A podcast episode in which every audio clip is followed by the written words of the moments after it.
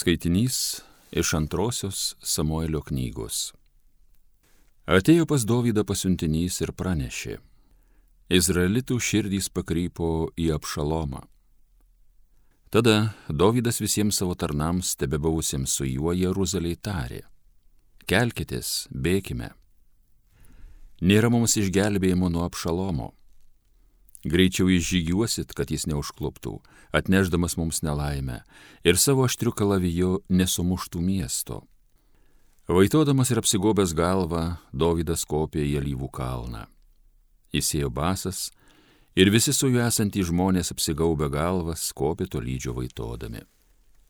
Kada karalius Dovydas atėjo į Bahurimą, staiga iš miesto išėjo vyriškis vardu Šimis, Gero sūnus, iš Sauliaus namų giminiečių Jis keikdamas ėjo artin prie Dovido ir mėtė akmenys į jį, bei karaliaus Dovido tarnus, nors iš kairės ir dešinės buvo prie jo kariškiai ir visa juos mensargyba.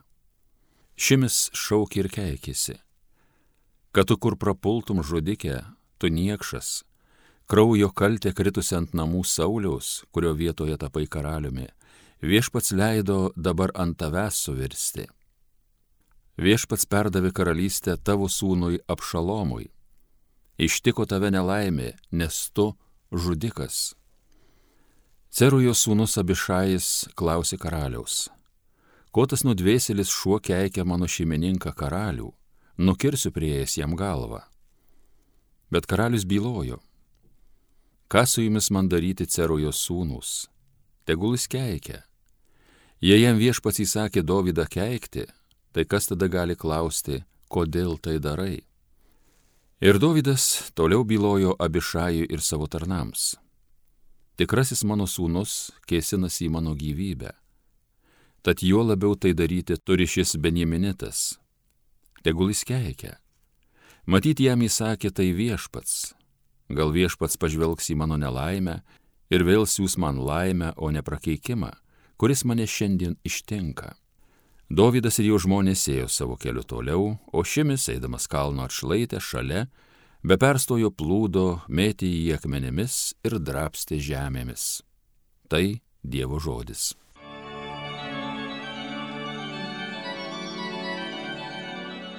Viešpatie kelkis, gelbėk mane. Viešpatie, kiek daug yra užpuolikų, gausingi, kurie prieš mane kyla, apie mane daugelis tarė, Dievas jo neišgelbės. Viešpatie kelkis, gelbėk mane. Bet tu, Dieve, esi mano skydas, tu mano garbė, tu pakeli mano nusvirusią galvą. Aš viešpaties garsiai šaukiuosi ir jis atsiliepia nuo savo šventojo kalno. Viešpatie kelkis, gelbėk mane. Aš nuėjau ilsėtis ir užmigau ir vėl pabundu, nes mane Dievas palaiko. Nebaisus man tie tūkstančiai priešų, kurie ratu mane supa o viešpatie kelkis, gelbėk mane, mano Dieve. Viešpatie kelkis, gelbėk mane. Alleluja, alleluja, alleluja. Didis pranašas atsirado tarp mūsų, Dievas aplankė savo tautą. Alleluja.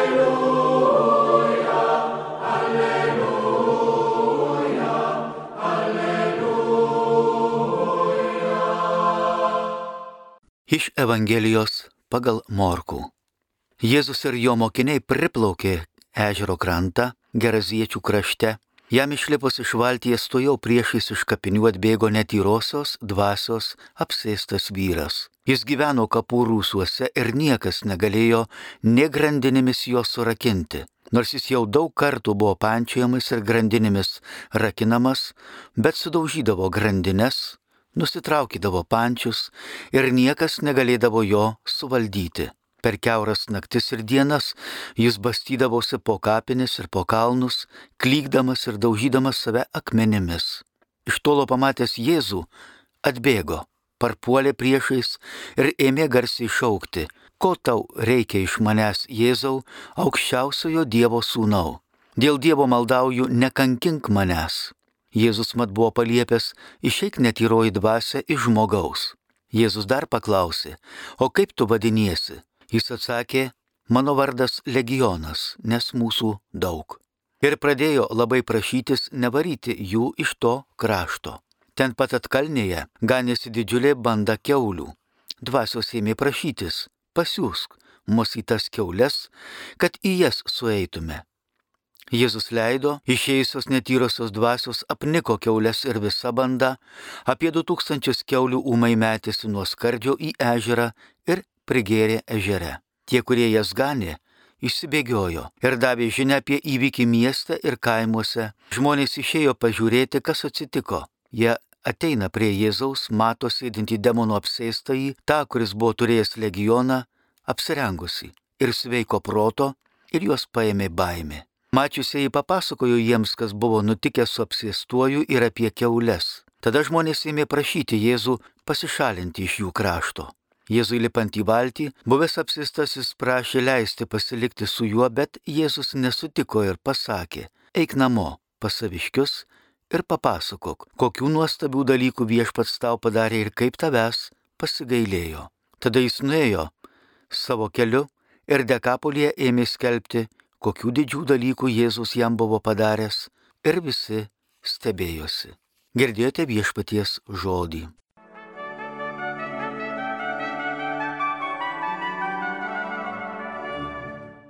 Apokalipsėje mes randame tokius žodžius apie tą nesuskaičiuojamą minę apsirengusią baltais apseustais, iš visų genčių, giminių, tautų ir, ir, ir tautybių, ir apie juos buvo sakoma, jie nugalėjo avinėlio krauju, išsibalindami savo apsaustus ir liudijimo žodžiu. Nugalėjo avinėlio krauju, tai yra tas Dievo avinėlis, kuris mūsų nuodėmės savo krauju sunaikina ir kada jis tai padaro, o kai tu jam atiduodi tas nuodėmės, tai yra išpažintis, eini tam, kad savo visą gyvenimo šlamštą susikaupiusi savyje išvalytum. Taip kaip organizme mūsų yra daugybė visokių organų, kurie valo mūsų organizmą. Nuo visokių bereikalingų medžiagų, toksinų, šlakų ir taip toliau. Reikia ir sielą išsivalyti. Štai ir einam iš pažinties, kad galėtumėm nugalėti piktąjį, kuris ten pribarsti tų virusų, bacilų, lygų, kuriomis paskui mes susirgame, jeigu nesigydom. Tos lygos - puikybė, pavydas, nepykanta, baimė, neviltis, vienatvė ir visos kitos, kurios iš tiesų na, mums atima tą gyvenimo skonį, gyvenimo džiaugsmą. Juk žiūrėkit, šventieji netgi kankinami, kalėjimuose dar kažkur, vis tiek tą vidinį džiaugsmą jie turėjo. Tas džiaugsmas ateidavo iš žinojimo, kad esi mylimas. O jie netgi tai ir patirdavo iš Dievo. Štai todėl apokalipsai ir sakoma, kad jie nugalėjo avinėlio krauju ir liudijimo žodžiu. Liudyti eiti ir pasakoti, taip kaip Marija sakė, didžių dalykų padarė man visagalis ir jo vardas man yra ypatingas, išskirtinis, arba kaip mes sakom, šventas. Štai viešpats mums ir primena, kad sako, žiūrėkit, yra ta piktoji dvasia, kuri tave gundys, stengsis tave apgauti, Nes piktoji dvasia puikiausiai tai gali padaryti. Jis turi tam priemonių. Yra piktosios dvasios dovanos, yra šventosios dvasios dovanos, yra piktosios dvasios dovanos. Tik šventosios dvasios dovanos yra kitokios - išmintis, supratimas, Dievo baimė ir visa kita, o piktosios dvasios dovanos yra kitokios - turtai, prievarta, ta netikra garbė, įtaka, valdžia ir visi kiti dalykai, kurie žmogų labai greitai, nes jie greitai iš karto pasireiškia. Jie labai praktiški atrodo, bet čia pat jau tu turi, apie tave rašo, tave garbina, tave liaupsina, tavęs ieško ir visa kita, tu turi valdyti, tu gali įsakinėti, nurodinėti, nuo tavęs viskas priklauso. Tai iliuzija. Kodėl? E, dėl tos pačios fizikos, nes kadangi viskas šiame pasaulyje, kas materialu, viskas juk yra, net ir mūsų gyvenimas, atrodo, kuris atrodo jau yra dvasinis, viskas yra pažymėta laiko ženklu. Laikinu, visa tai yra laikinai. Juk aš irgi žuvis šeriu ir joms masalą duodu laikinai, o paskui ką darau, o paskui jau jas pagavęs suvalgau.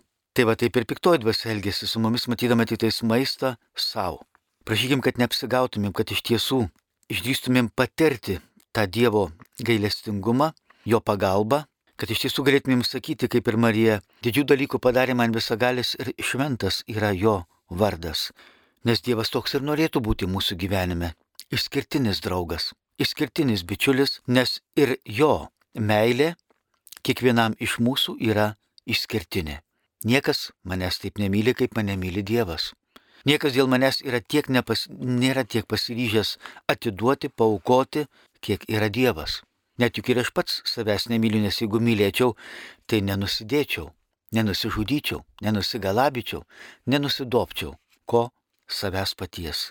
Tik ir prašykime pas Dievą tos išminties, kad priimtumėm jo malonės, bendraudami su juo, o paskui tai nelaikytumėm savyje, kad kartais netaptumėm kaip tas nesemamas šulinys.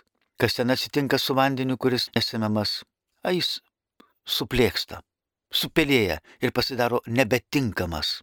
Juk žiūrėkit šventieji, kiek jie daugybę tų malonių iš Dievo patyrė, darė stebuklus, tokius kaip ir Jėzus darė ir net didesnius už jį. Didesnius už Jėzų stebuklus darė. Pats Jėzus tai pasakė, kad jūs darysite tai. Ir tuo gyvenime nepasinaudoti, o paskui neliudyti, neperduoti, kad ir kiti galėtų tuo pasinaudoti, juk taip Dievo karalystė ir yra kuriama čia žemėje, mūsų tarpe. Nepraleiskim to, kad galėtumėm patirti tą tikrą džiaugsmą, kuris ateina iš Dievo.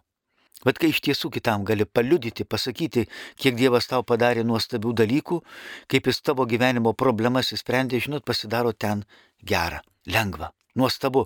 Taip kaip turbūt tą džiaugsmą patiriam ir kai dalinamės savo tą žmogišką patirtimį, nežinau, apie maisto gaminimą, apie, apie žuvų gaudimą, automobilių remontą, apie mašinos pasirinkimą, būto pasirinkimą, sodybos ar dar kažkokį, liudijam. Ir sakom, žiūrėk, prašiau Dievo, melžiausi. Nedavė, nedavė, paskui paruošė, davė tokį, kad vaikelį net dabar net sunku įsivaizduoti. Prašykim, kad tiesiog nenuviltumėm patys savęs, kad pasinaudotumėm Dievo malonėmis, o paskui jas liudydami laimėtumėm tą džiaugsmą ir kitiems žmonėms, taip kurdami Dievo karalystę. Amen.